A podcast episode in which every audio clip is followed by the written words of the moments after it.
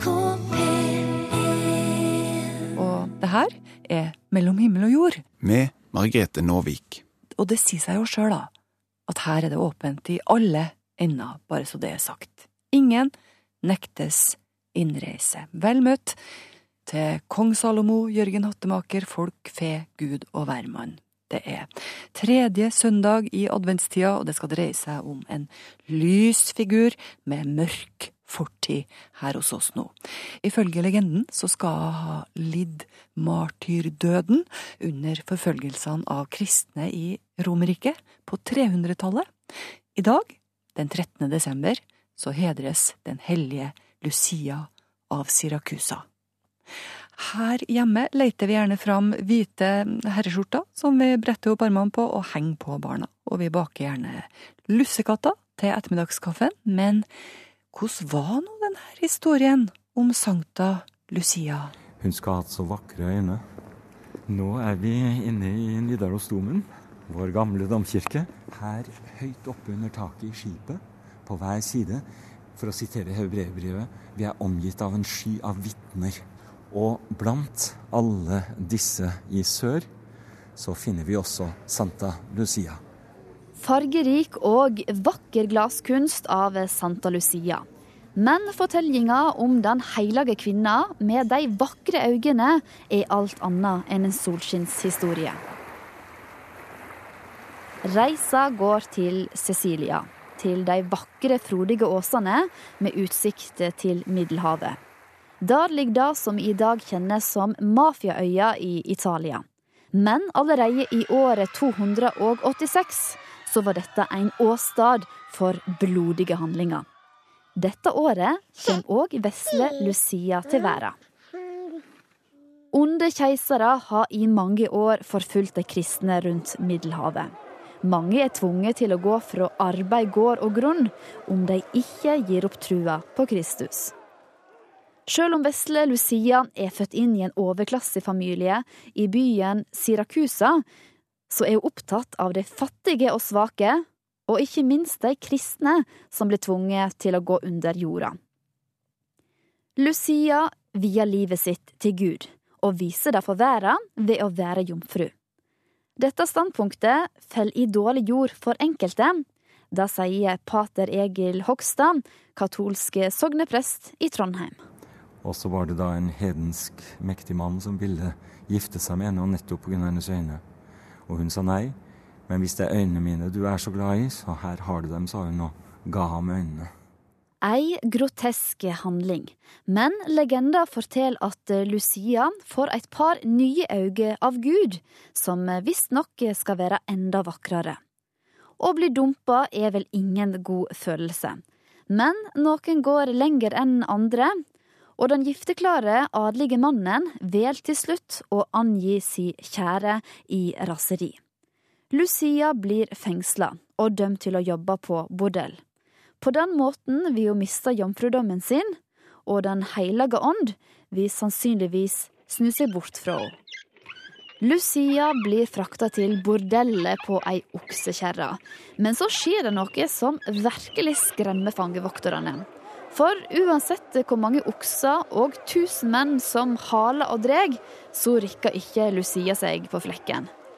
Det blir forsøkt å brenne den skjønne jomfru uten at flammene tar tak i henne. I ren desperasjon så kjører til slutt bøddelen et sverd gjennom halsen. Først da faller Lucia sammen og dør. Lucia lider martyrdøden og får etter hvert status som helgen. Det finnes mange versjoner av historien om Lucia, og en kan jo fort spørre seg om det er noe hold i denne historien. Det er klart, i dag så kan det være vanskelig å finne den historiske Lucia. For eh, i Oldkirken, som vi gjerne sier om denne første tiden, så har vi en myriade av jomfruer som må lide døden pga. troen. For de er veldig snille, disse jentene her. Og de hjelper altså andre. Utrolig som de hjelper andre. Og nå høres det ut som om jeg liksom eh, smiler litt av det, men det, det gjør jeg bare i sympati. For eh, det er klart, om det ikke stemmer at det akkurat var en ung dame som het Lucia, og som opplevde akkurat det vi leser om her, så er hun en typos, en type, en kategori. Og det forteller oss at det var mange som opplevde akkurat det samme. Santa Lucia kan eh, altså bare være et symbol på alle de unge kvinnene som døde for trua si i oldtida. Trass i dette så står den unge jomfrua fra Syrakusa sterkt i katolsk tru. Vi har i dag fire eukaristiske bønner, eller altså nattverdbønner. Alle fire kan hver enkelt brukes i, i messen. Men den første, som er den eldste, kalles den romerske kanon. Kanon er jo gresk for målesnor eller norm. Og det var eh, nettopp det denne bønnen var. Og hvis du da ø, ble kanonisert, så betyr det at du er hellig, så hellig at du kan nevnes i kanon, i nattverdbønnen. Og vi har ø, nå faktisk faste hellige som nevnes i nattverdbønnen, og Lucia er en av dem. Mm selv om en ikke en vet om det faktisk var én person, eller om det var samlebetegnelsen på veldig mange damer som var lik henne på den tida. Mm, nettopp. Fordi det er i grunnen ikke så vesentlig. Nei, hvorfor ikke det? Ikke sant. Nå stiller vi med den moderne tids historisk kritiske innstilling. Og den er helt grei, og den skal vi ha med oss, for all del. Men i denne sammenhengen så er det faktisk det at det peker tilbake på Kristus, som er det viktige. Slik at en vil også understreke i hver helgen ikke nødvendigvis det som er sært og spesielt for vedkommende, men de punktene hvor vedkommende ligner på Kristus. Med tanke på Lucia, hvordan var hun lik Kristus? Ja, nettopp dette her med hennes godhet, hennes uh, gudhengivenhet. Dette at hun uh, satte Gud foran sitt eget liv. Ifølge legenden så oppsøkte altså Santa Lucia de kristne som hadde vært nødt til å gå under jorda i oldtiden. Hun kom med lyskrans i håret og mat i hendene. Det må jo ha vært et fantastisk syn. Og ja, det er derfor våre søte små går med kurver med lussekatter og lys i håret, mens de synger sangen om Sankta Lucia i dag. I dette innslaget så hørte vi pater Egil Mogstad sammen med reporter Camilla Kjønn Tingvoll. Vi hørte også barnekoret Levende lys og Elida Ramstad Haugen med sangen om Sankta Lucia. Det kommer stadig nye mennesker til Norge, også nå like før jul. Hvordan er det så å komme hit, til vinter, til ullsokker, til oss, som vi ofte får høre er kald og utilnærmelig? Bijan Gharahkhani han har ei anna fortelling. Han og familien kom til Norge fra Iran tidlig på 80-tallet. Det var veldig kaldt. Det var eh, i desember i Skoselva og i Øvreike. Det var veldig kaldt. Og så ringte på døra og sa at nå skal vi ha eh, julefest. Den iranske familiefaren Bijan Gharahkhani trodde ikke sine egne ører på julaften da naboen Pia sto i døra. Kona mi og så han sønnen min Masu som var fire år, så vi ble invitert. Så vi ble så glad. Og så hun var en person som ville gjerne at vi skal ikke følge oss alene. Hun ga oss den første inntrykket hva er det norske samfunn. Det var omsorg. Hvordan gjorde hun det? Hun inviterte oss. Og hver gang kona mi var alene, hun var sammen med kona mi, så snakket norsk sammen med kona mi. Og så var det noen ganger som f.eks. jeg og kona mi vi skulle være følgermøte, og vi hadde ikke noe barnepass. Da hun var barnepass for min lille, kjære Mona, som ble født i Skåsel. Og det var godt. Så vi så at vi har en som virkelig skal støtte oss. Og jeg ble sterk, og jeg ble glad i henne. Dessverre, hun er død. og derfor Hver gang vi snakker om henne, jeg gråter og kona mi gråter. Fordi hun var et godt menneske. Også hun var en person som ville gjerne at vi skal ikke følge oss alle nær. Bijan Gharahkhani, kona og den vesle sønnen kom til Skotselv i Øvre Eiker like før jul tidlig på 1980-tallet.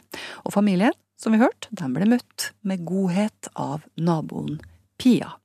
Vår reporter var Kjetil Lillesæter. Jeg ser at folk er i gang med det julegnaget nå på Facebook igjen, og til dere har jeg bare én ting å si. Kjøss meg i ræva. Det Lene Vikander sier her, det er det hun skrev i bloggen sin, Terapi, i forrige uke. Jula er hva du gjør den til, sier Lene, og nå er det nok av denne klaginga på Facebook. Å nei, gud, nå har jeg strevd, og jeg måtte handle det, og så måtte jeg lage de kakene, og tror du ikke ribba brant seg, og nå kommer svigermoren, og jeg orker snart ikke mer, altså det er for mye styr med denne jula nå. Julegnaginga, som Lene kaller det, det er egentlig et rop om kjærlighet. Egentlig burde det stått i disse statusene se meg, lik meg, elsk meg. sier Lene. Det skal sies at hun muligens hadde litt kortere lunte enn vanlig da hun skrev det her. Det var et alvor i livet hennes som gjorde julegnaginga ekstra usmakelig. Jo, det var jo også fordi at min, jeg hadde akkurat vært og begravet min far, og jeg hadde vært innlagt på Radiumhospitalet i fem uker. Mm. Så det var liksom Mitt fokus var veldig lite der. Og så gikk det på det med klaging.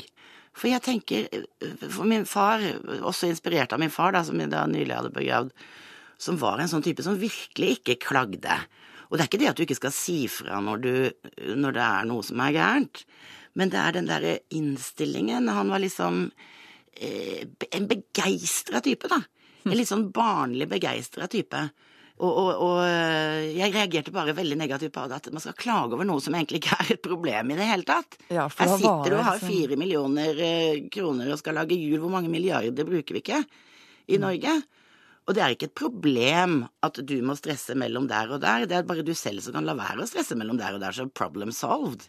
Jo, man kan skjønne at du ble provosert. Det blir litt smått når folk klager over juleforberedelsene, når sykdom og død kommer tett innpå. Men det må da være lov til å klage litt på små ting òg. Jo, men det er jo som jeg sier, jeg klager jo når Man skal jo ikke ikke klage, for det er jo en sånn der eh, sosial pisk. Det, altså Hvis ting er helt uh, horribelt, så er det jo klart man skal klage. Eh, men, men det handler jo også om å vite hvor privilegert man er.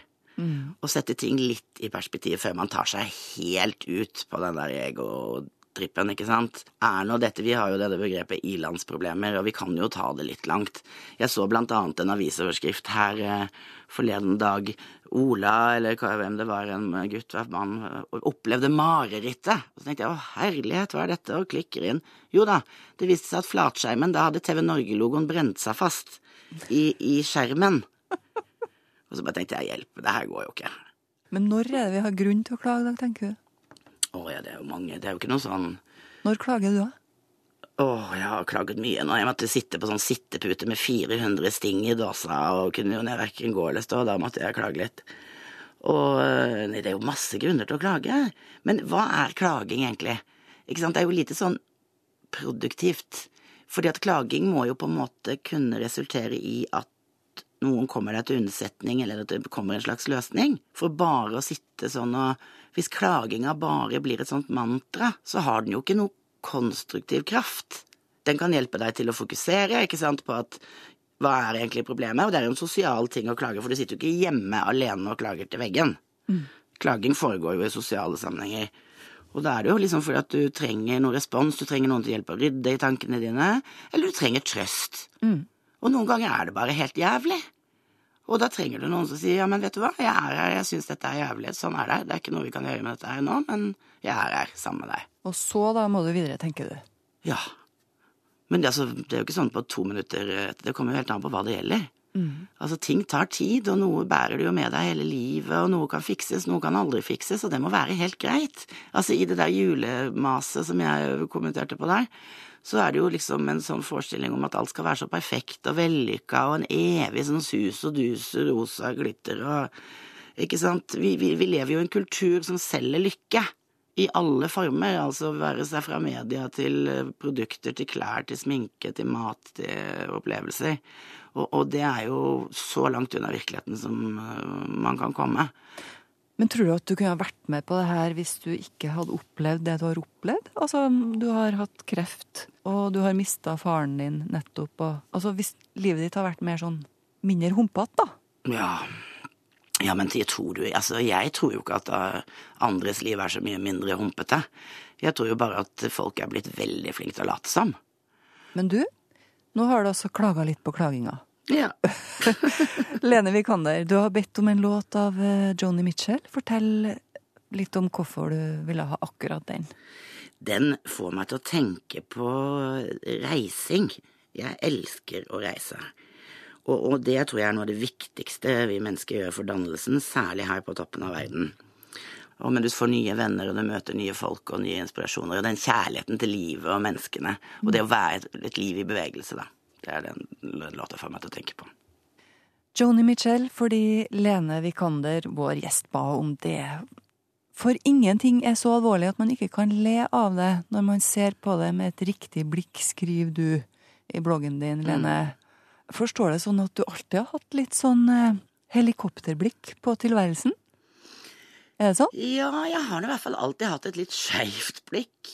Altså, jeg har Det er jo Det meste er jo veldig morsomt. Og det var jo Ingenting har jo vært morsommere enn å ha vært under kreftbehandling i norsk helsevesen. Ikke bare morsomt, da, må sies. Nei, nei, nei, men jeg, nå må Det la meg snakke også- ferdig. Ikke sant, det er igjen det med, jeg sa tidligere at det er ikke slik at ting er enten eller. Når jeg sier det, så reagerer du med en gang, ikke sant, for å arrestere og ja, men Ja, nemlig ting er begge deler. Men, men man har forventet, er det, skal du snakke om kreften din, så skal du liksom ned med stemmen, det skal være stille, og vi skal snakke om døden og sånn. Ja, men vi kan også være opp med stemmen og snakke litt om døden, og, og det handler ikke om å distansere seg, for det er mange som da skal mistenkeliggjøre deg, ikke sant. Man sier at å ja, men det er bare en sånn mestringstaktikk du prøver å late som det regner, liksom. Og det handler ikke om det. for det første er det mye genuint morsomt, eh, og for det andre så er det Livet er liksom begge deler. Det må kunne gå an å altså Det er litt sånn laughter through tears innimellom. Ikke sant? Latter gjennom tårer. Det er veldig deilig å le, og det er morsomme situasjoner overalt. Vi mennesker er jo noen forferdelig rare dyr. Ja. Men det her blikket fra sida, da, den her evnen til å vurdere situasjonen fra en annen vinkel, Ja. den har jo ført deg litt hit og dit. Blant annet så ble du utvist fra videregående skole, mye på grunn av ditt engasjement. Ja. Det var feminisme, det var miljøaktivisme, og var det noe, var, Husker jeg riktig, var det noe religionskritikk inni bildet òg? Ja, ja, ja, ja, ja, selvfølgelig. Det var sånn eh, Jeg hadde med den der å ha en gol for tredje gang, som handler om kirkemøtene. Ikke sant? Hvordan uh, veldig mye av liksom, Bibelen ble vedtatt av hva som skulle være med, hva som ikke skulle med. Det ble blant annet stemt over hvorvidt kvinner hadde sjel eller ikke.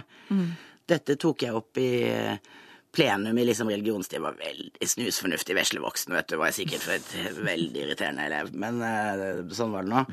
Og da ble det jo helt ramaskrik. Det gjorde man jo ikke i Grimstad Nei. på den tiden. Det var jo bare jeg og lederen i Unge Høyre som ikke var personlig kristen i hele klassen. Vi har jo heldigvis blitt veldig mye bedre nå. Ja, ting er endring. Men altså, vi trenger også sånne som deg for å få endring, da, kanskje. Hva, hva koster det å være sånn? Hva kosta det den gangen? Ja, det kosta jo at jeg ble utvist, men, men, men det kosta jo øh, øh, Men jeg liker ikke så godt sånne spørsmål, for det blir, da, tar man liksom det for gitt at det man egentlig ville, var bare å være som dem. Og det ville jeg jo ikke. Uh, men det kosta jo det at du ble sett veldig på en negativ måte, da, ikke sant? Du ble veldig tydelig. Men jeg tror jeg var såpass høy på meg sjøl at jeg egentlig dreit i det, altså, på den tida. Ja, har det blitt verre etter hvert? Altså, jeg- Ja. Jeg, jeg har jo Ja, jeg er jo ikke fullt så selvgod. man, blir- man blir jo mer ydmyk med årene. Men du, altså, du kom altså med litt sånn kritikk eh, her om hva folk ytrer seg på Facebook, og denne klaginga som egentlig du tenker er skryt da, av alt det man gjør før jul. Hva, hva må til for deg? Ja, nei, nå skal vi jo bli det jo veldig rar i jul, da. For min far eh, døde jo, så det blir liksom alle de første blir veldig rare, tenker jeg. Så det blir vår første Men vi har jo aldri hatt noen sånn voldsom jul, da. Sånn som jeg forstår mange har. Vi har hatt det stille og greit i Grimstad med liksom og bare oss. Og så er det spise ribbe. Ribbe må til.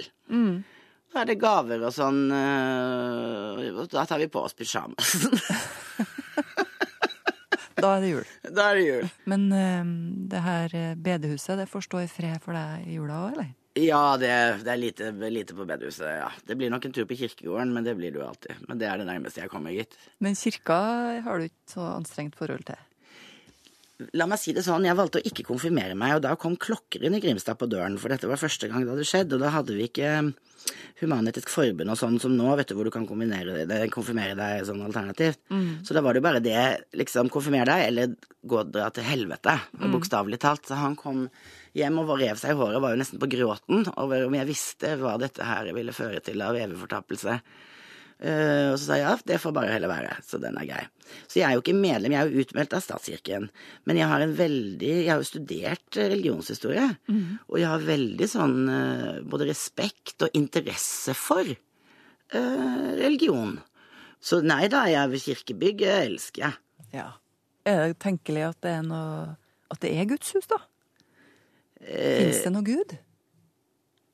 Jeg sier som min far sa der òg, at det vet jeg ikke, så derfor så har jeg ikke noe svar. Så han var agnostiker, og det er nok jeg òg. Mm. Eh, men jeg tror det fins en gud, ja, for veldig mange. Det er vel sånn, hva, hva, altså, hva gjør at ting eksisterer? Er, de eksisterer jo i kraft av at du vil de inn i eksistens. Og derfor så tror jeg selvfølgelig fins Gud. Det er et veldig dumt spørsmål, egentlig. Det er jo klart, du ser jo så mange som tror på han. Det sier Lene Vikander, som gjerne ser ting fra flere sider. Utsiden og innsiden og alle, alle vinkler. Det er som ja. å være en sånn tørketrommel. Da får man jo alle perspektiver når man går rundt i en sånn liten sentrifuge. Ja, og skriver om det i sin blogg som heter Terapi. Og mm, hun er forfatter også, Lene. I boka Fuck tante Augusta, for eksempel. Der skriver hun om eh, behandlinga hun gikk gjennom da hun fikk brystkreft. På en lettbeint måte. For my ally is the force and the powerful ally it is. Life creates it, makes it grow. Its energy surrounds us. You must feel the force around you. Nå på onsdag så er det premiere på Star Wars, film nummer sju, og det er mange, mange hjerter som gleder seg. Fortellingene om Anakin, Leia og Luke Skywalker, R2D2, Yoda og alle de andre de traff så det sang da George Lucas slapp de her filmene løs, den første i 1977. Hva betyr de her historiene for oss? Er det bare underholdning? Eller gjør de noe med oss? For den som føler seg litt feilparkert når vi nå snakker om det her universet, så må vi fortelle at det fins ei kraft i Star Wars. The Force. Et energifelt som er kobla til alt levende i galaksen. Så er det dilemmaet som oppstår da. Hva skal man bruke denne krafta til? Det gode eller det onde? Your arrogance blinds you, Master Yoda. Now you will experience the full power of the dark side. Dag Øystein Ensjø han er professor ved Universitetet i Bergen, og han har brukt en god del av arbeidstida si på å se på det her med populærkultur og religion. Han sier at krafta, the force, den er tilgjengelig for alle i de her fortellingene. Ja, den, den, er overalt. Den er på en måte den, den som binder alt liv mm. i sammen. Og sånn sett så er jo da dette en forestilling som også kan, kan sees på en måte godtas også av folk som ikke i utgangspunktet ser seg selv som religiøse, fordi liksom alt liv henger sammen, alt liv er beslektet. Altså dette liksom store kosmoset som vi alle på en måte er en del av. Og krafta, den slår ut når det religiøse bryter igjennom sier han. Det, det er det dette er snakk om. Det er noe som du ikke kan føle eller se, men det er med deg. Og det kan bryte gjennom og materialisere seg. Det her, sier Dag Øystein, det er ikke noe George Lucas har funnet på. Dette, dette finner du vel i de fleste religioner. Eh, altså dette her, altså da uansett om det da er snakk om uh, ånder eller guder eller uh, forfedre dette passer jo også veldig godt overens med, eh, med generell nyreligiøsitet. Dette her er på en måte at, at, det hellige er like mye inne i deg som i alt annet. Så det er liksom den der eh, å gå inn, og liksom gå inn like mye som ut. Men dette, dette går også på mystisisme, som man da finner i alle store religioner. Dette er man på en måte kan ved å gå inn i seg selv da eh, finne større sannheter om det som er der ute. Som sagt, filmene traff oss så det sang. Det oppsto faktisk en egen religion med de her historiene som bakteppe. And so now is the time of the gathering. For a Jedi, there is no greater challenge or honor. På begynnelsen av 2000-tallet var det hundretusener av mennesker i eh, New Zealand og England og Wales som erklærte i folketellinga at de da var jedi-tilhengere. Mm. Er det en spøk? Nei, altså, her er det jo da altså 75% av norsk befolkning er medlem av norske kirke, så de er per definisjon kristne. Men altså Ja, hvor mange tror egentlig på de tingene som da Kirken forkynner? Så, så, så her kommer en inn på dere eh, Hva er en eh, religion? Og nå eh, er det ikke bare snakk om da disse hundretusener som da har erklært at de er jedi-tilhengere. Det finnes også mindre jedi-kirker, eller trossamfunn, som rett og slett da har liksom gjort en religion av the force, for å si det sånn. Men det er jo ikke det at de liksom ser, alle disse ser på filmen og sier ja, sånn har det skjedd en gang for veldig veldig lenge siden, sånn som da filmene begynner med. Mm. Men altså her kan man jo da se paralleller til andre lignelser, altså sånn som da eh, Det fortapte lam eller Den barmhjertige samaritan. Mm. Det er ingen kristne utgangspunkt som sier at dette har skjedd og sånn. Det står jo ikke i Bibelen at dette har skjedd. på en måte. Det er på en måte lignelser. Altså Jesus forteller disse fortellingene for å liksom sette et ord på hva som er viktig i tilværelsen. Og det er det man kan gjøre også med disse Star Wars-filmene. Man kan se på de som lignelser på Altså de setter liksom ord på hvordan man skal manøvrere mellom det gode og onde, hvordan man skal forholde seg da til denne kraften, denne livskraften som da binder oss alle sammen.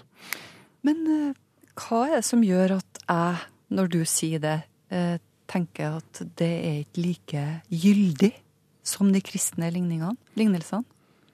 Det, da må det jo være opp til den troende selv. altså eh, Selvfølgelig så er jo de kristne ligningene har jo vært der i snart 2000 år. Så de har jo hatt en mye større gjennomslagskraft over mye lengre tid. Men eh, samtidig så skal man ikke kimse av da lignelsen som kommer i andre sammenhenger også. Dette er jo det rett og slett all stor litteratur, all stor fortellerkunst handler om, på en måte. Veldig mange bøker har jo endret folks liv og får folk til å tenke annerledes, selv om de vet at det er fiksjon, selv om folk vet at dette, dette ikke hender. Man ser jo også på Det var en undersøkelse hvor folk selv tikket inn. Da, så det var ikke fullstendig representativt, men det ga en indikasjon. Og folk Eh, hvor da særlig amerikanere og briter mente at Harry Potter og Ringenes herre var for dem eh, Det var flere som mente at det var viktigere bøker for dem, som hadde inspirert dem, enn Bibelen. Tror du det kan bli sånn? Kommer vi dit at eh, Altså Det er jo mange som sier at hvis vi ikke forstår de kristne fortellingene, fortellingene fra Bibelen, så forstår vi heller ikke oss sjøl. Mm -hmm. Tror du vi kan komme dit at vi sier at hvis vi ikke forstår fortellingene i Star Wars eller i populærkulturen, så forstår vi ikke oss sjøl? Ja, langt på vei så har man rett i det, fordi særlig vi forskere eh, var jo lenge sånn eh, at vi på en måte ikke ville ta dette på alvor. Nei, det var ikke liksom bra nok, dette er ikke liksom ekte nok, dette er ikke liksom seriøst nok, så da bare blåser vi det. Men poenget er for å forstå samtiden i dag, så må man jo forstå eh, Donald Duck, Star Wars, Britney Spears og alle disse tingene. Ja, det kan jo være en utfordring det siste der, da, for noen av oss, for å si det sånn. Men, sier Dag Øystein Ensjø, man trenger ikke gå lenger enn til nærmeste høytid for å finne et godt eksempel på det her. Ja, men det er det. altså Se liksom på norske juletradisjoner. altså Vi har juleevangeliet, som er selvfølgelig en fantastisk fortelling. Men nå for tiden så sitter jo flere mennesker og ser på Donald Duck og vennene hans og på Askepott enn det er som går i kirken. Og dette er jo da den dagen hvor folk, flere folk går i kirken enn noen gang annet i året. Og likevel så sitter flere folk og ser på disse fortellingene. Dette er også fortellinger som, som gir folk noe. Altså dette med liksom the underdog som på en måte kjemper seg opp under Askepott, eller, eller det veldig Disney-religiøse, for å si det sånn. Mm. Hva gjør du da på julaften? Er det Disney, eller er det gudstjeneste? Nei, for meg er det Askepott. Den synes jeg er fin å få med seg. Og da er det altså premiere på onsdagen på Star Wars, 16. desember. Ja. Mm. Så da blir det en virkelig god jul for alle Star Wars-fan. May the force be with you. Goodbye, old friend. Premieren i den siste Star Wars-filmen er altså, som vi hørte, nå på onsdag førstkommende. Det er en kar som har sett den allerede. 32 år gamle Daniel Fleetwood, svoren fan av det her universet. Han gikk og venta på filmen, mens han også venta på døden. Daniel hadde en eh, hissig kreftsykdom, og han hadde fått beskjed om, og visst, at han kom til å forlate denne verden før filmen kom til kinoene. Hans aller, aller siste og største ønske det var å få se denne filmen før han døde. Så, etter en heftig kampanje retta mot Disney, da, som altså sammen med Lucasfilm har produsert denne filmen, så dukka det opp noen eh, karer på døra til Daniel og kona Ashley i begynnelsen av november, sånn at han fikk en eh, spesial visning. Fem dager senere så skrev Ashley, kona til Daniel også, på Facebook-sida si at nå har Daniel gått bort.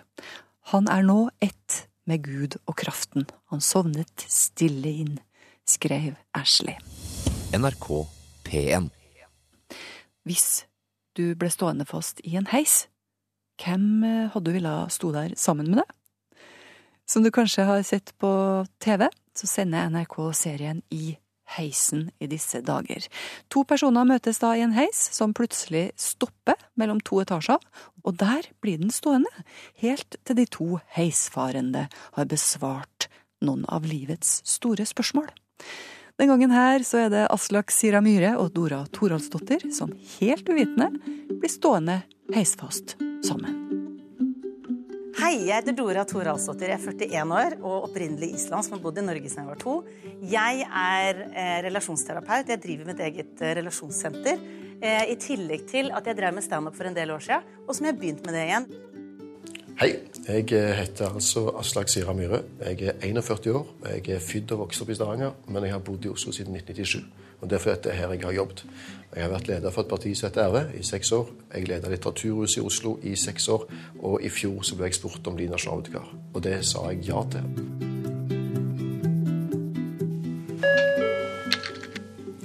Finnes det noe som er hellig for dere, og hvorfor? Nå har jo jeg vel signalisert ganske tydelig at jeg ikke er så opptatt av religion. Eller at jeg ikke er så religiøs. og sånt. Så Hvis vi tar vekk religionen fra helligheten og tenker på så er det noe i relasjonen mellom mennesker som enten er så stort at du ikke kødder med det, eller er så farlig at du ikke rører det.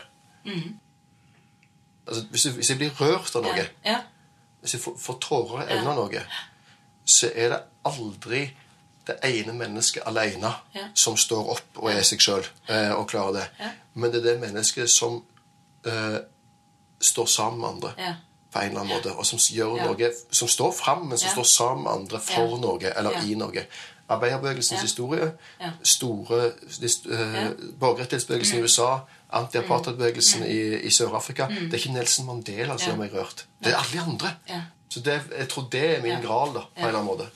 Jeg, jeg føler at det er masse ting jeg kan relatere til og som jeg er enig i. Og så er det noen ting som treffer meg mer enn andre ting.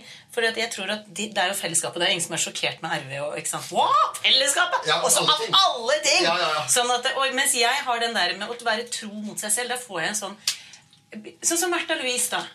Jeg tenker, Tenk å være så tro mot seg Vet du hva, dette tror jeg på.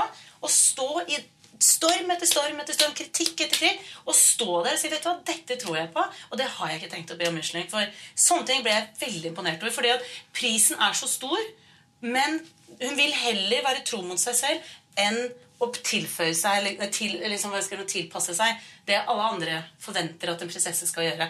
Der blir jeg faktisk veldig fascinert. Herregud, så forskjellig og, og ja, ja, ja, ja. Men jeg synes også, altså jeg er jo kjempeopptatt av feminisme. Og har, skjønnhetstyranni har jeg en kjempekampanje som jeg skal begynne med mange flere.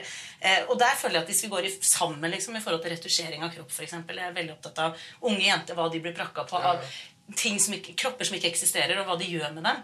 Så der har jeg lyst til å få til et politisk greie med at det står retusjert på alle reklamer som er retusjert. Det er mitt sånn. Og der har jeg lyst til å gå i flokk med mange andre og få til noe. Så jeg er absolutt der også.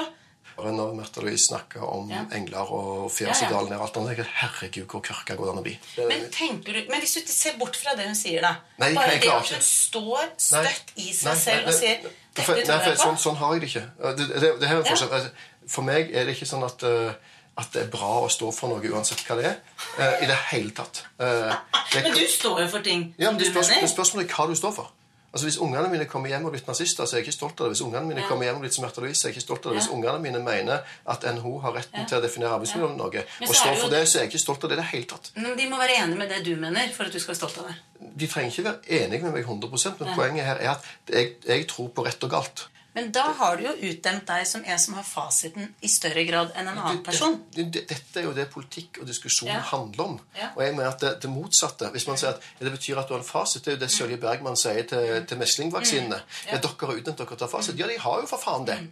De er jo vitenskapsfolk. De har empiri, de Mm. Har ja. etter alle kunstens regler. Ja, de har fasit. Det er ikke noe de sier at de har funnet på på egen hånd. Dette er vitenskap.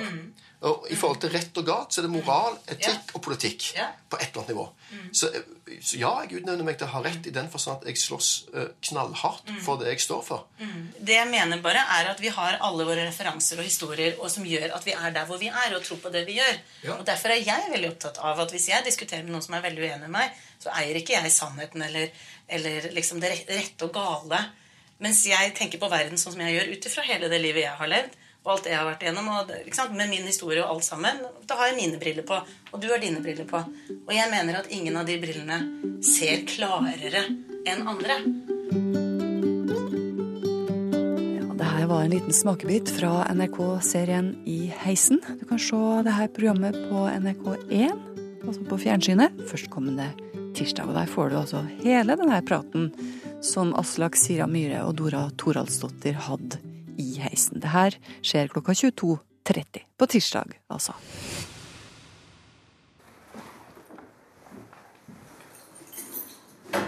Ja, da kommer vi inn her. Det her er Per Prest med etternavn Kvalvåg, som låser oss inn i kirka i Selbu. Som show, så det er klart gudstjenesten er dårlige greier.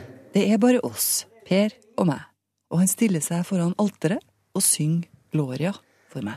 Ære være Gud i det høyeste, og fred på jorden blant mennesker som Gud har glede i. Det er ganske rørende, faktisk. Det her er kjente toner og ord som sitter i ryggmargen fra en oppvekst på bygda med kirka som eneste kulturhus. Amen. I kommende generasjoner så blir det ikke sånn at alle kjenner Gloria. Mister vi noe med det? Og i så fall, får vi noe annet? Jeg spør Per, hvordan ser han det fra sin plass ved alteret nå når staten driver og river seg løs fra kirka? Eller omvendt? Jo, det er jo på en måte en naturlig konsekvens av utviklinga, det. Men det som jeg tenker, det er at eh, hvis ungene skal forstå hva religion er for noe, så må man tørre å ta dem med inn i religiøse husene og være med og oppleve hvordan det foregår. Og så tenker jeg på det du sto her og sang nå nettopp, Ja. Gloria. Ja, Du sier at dette kan alle. ja det gjør det. Sånn vil det jo ikke bli, da. Hvis eh, vi går i forskjellige gudshus, eller ikke går i gudshus. Hva tenker du om det? Det er jo forferdelig eh, fin ting, at, sett ifra mitt synspunkt, at ungene får ha den fortroligheten med kirka. og og får lære litt om det på skolen òg, men samtidig så må de òg kunne forstå og respektere andre religioner. I Selbu så er det jo ikke så voldsomt mye andre religioner er representert, men i byene Torshov, hvor jeg bodde før, i Oslo, så er det jo Så, så har de en stor id-feiring på skolen, f.eks. Og det, det lever de med side, med side om side med skolegudstjenesten. Og de er med og deltar litt og prøver hvordan det er å være med på hverandres religion. Det blir det forståelse og respekt ut av. Hva som skjer hvis vi slutter med sånt, da? Det har lenge vært en sånn en angst for religiøse blant eh, barnehagepersonale og en del lærere. De nye signalene som kommer nå, det er jo at eh, vi skal kunne forholde oss til religioner, til forskjellige religioner. Ikke være redd for å ta i det, men samtidig heller ikke gi monopol til én retning, sånn som det har vært før i tida. Mm. For Den norske kirke har jo uh, hatt litt urettferdige privilegier før, vi må jo innrømme det. Gjør det litt vondt å være prest og miste monopol? Det kan være litt irriterende av og til, selvfølgelig, men uh, du Jeg ser jo at det er rett. Hvis vi trenger makt for å få gjennomslag, så da er det ikke bra nok, det vi holder på med, da. Akkurat så tenker jeg få større gjennomslag på en litt mildere måte? Vi må få gjennomslag pga. innholdet i det vi står for, og måten vi gjør det på, og ikke pga. at det er en sånn monopolistisk tradisjon som er nedfelt i lover og, og 100 år gamle skikker, bare. Vet du om det er noen her da som ikke kommer til gudstjeneste? Ja, men uh, her eh, legger rektor på ungdomsskolen legger det frem for uh, foreldrerådet i starten av hvert semester og spør ja, og så er det skolegudstjenesten, da. Skal vi ha det i år? Og da har foreldrene til nå svart at ja, det skal vi ha. I nabobygda Tydal der er det slutt på skolegudstjenestene. Der arrangerer de lørdagsgudstjeneste for elevene som ønsker det. Det blir jo ikke fullt så mange, da, sier Per. Nylig oppfordra Kunnskapsdepartementet kommunene til å innføre en ordning hvor elevene melder seg på gudstjenesten, og ikke ber om fritak som før. Og Kommende uke så får vi tro at alle har kommet fram til en løsning, for det er nå skolegudstjenestene arrangeres rundt om i kirkene. En desemberdag for mange år siden så var Tone Ringen på besøk her i Himmel og jord, Foranledningen det var at hun hadde skrevet et dikt som eh, vi syntes da beskriver denne tida som vi er inne i nå, særdeles godt. Siden så har vi plukka det fram hvert eneste år i førjulstida, og det er akkurat det diktet handler om. Å gjøre de her tingene, ta fram de samme tingene, om og om igjen. Her les Tone sjøl. Advent.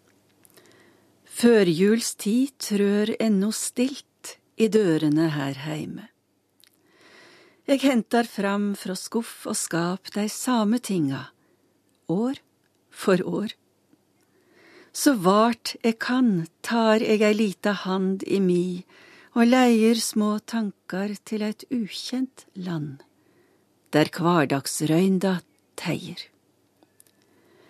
For det er stillas tid, nett no når mørkere, mjukt og tett, gjev alt av ljos ein undringsglans av von og draum og lengt. Du vesle son, det eg bær fram til minnet ditt nett no, skal vekse til ei handlingstru, når du vert mann ein gong. Ingen skal få øye disse dagane, dei få. Året har så mange veker der vi ikke rår. Som eit ljosskip sigler huset, stilt og lett som snø.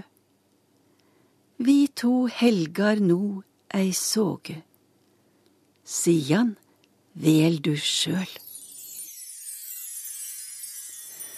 Hvis du har noe på hjertet, Hvorfor skal det nå ligge der, når du kan nå oss på e-post? Himmel og jord, krøllalfa, nrk.no. Og så ligger det ei Facebook-side som hører oss til for deg som beveger deg rundt i den verdenen. Der kan du se bilder av mange av dem du har hørt stemmen til i programmet her. Eh, du kan sende oss beskjeder også på NRK Livet. Margrethe Nåvik heter jeg, som ønsker deg en riktig god tredje søndag i adventstida. Ha det bra!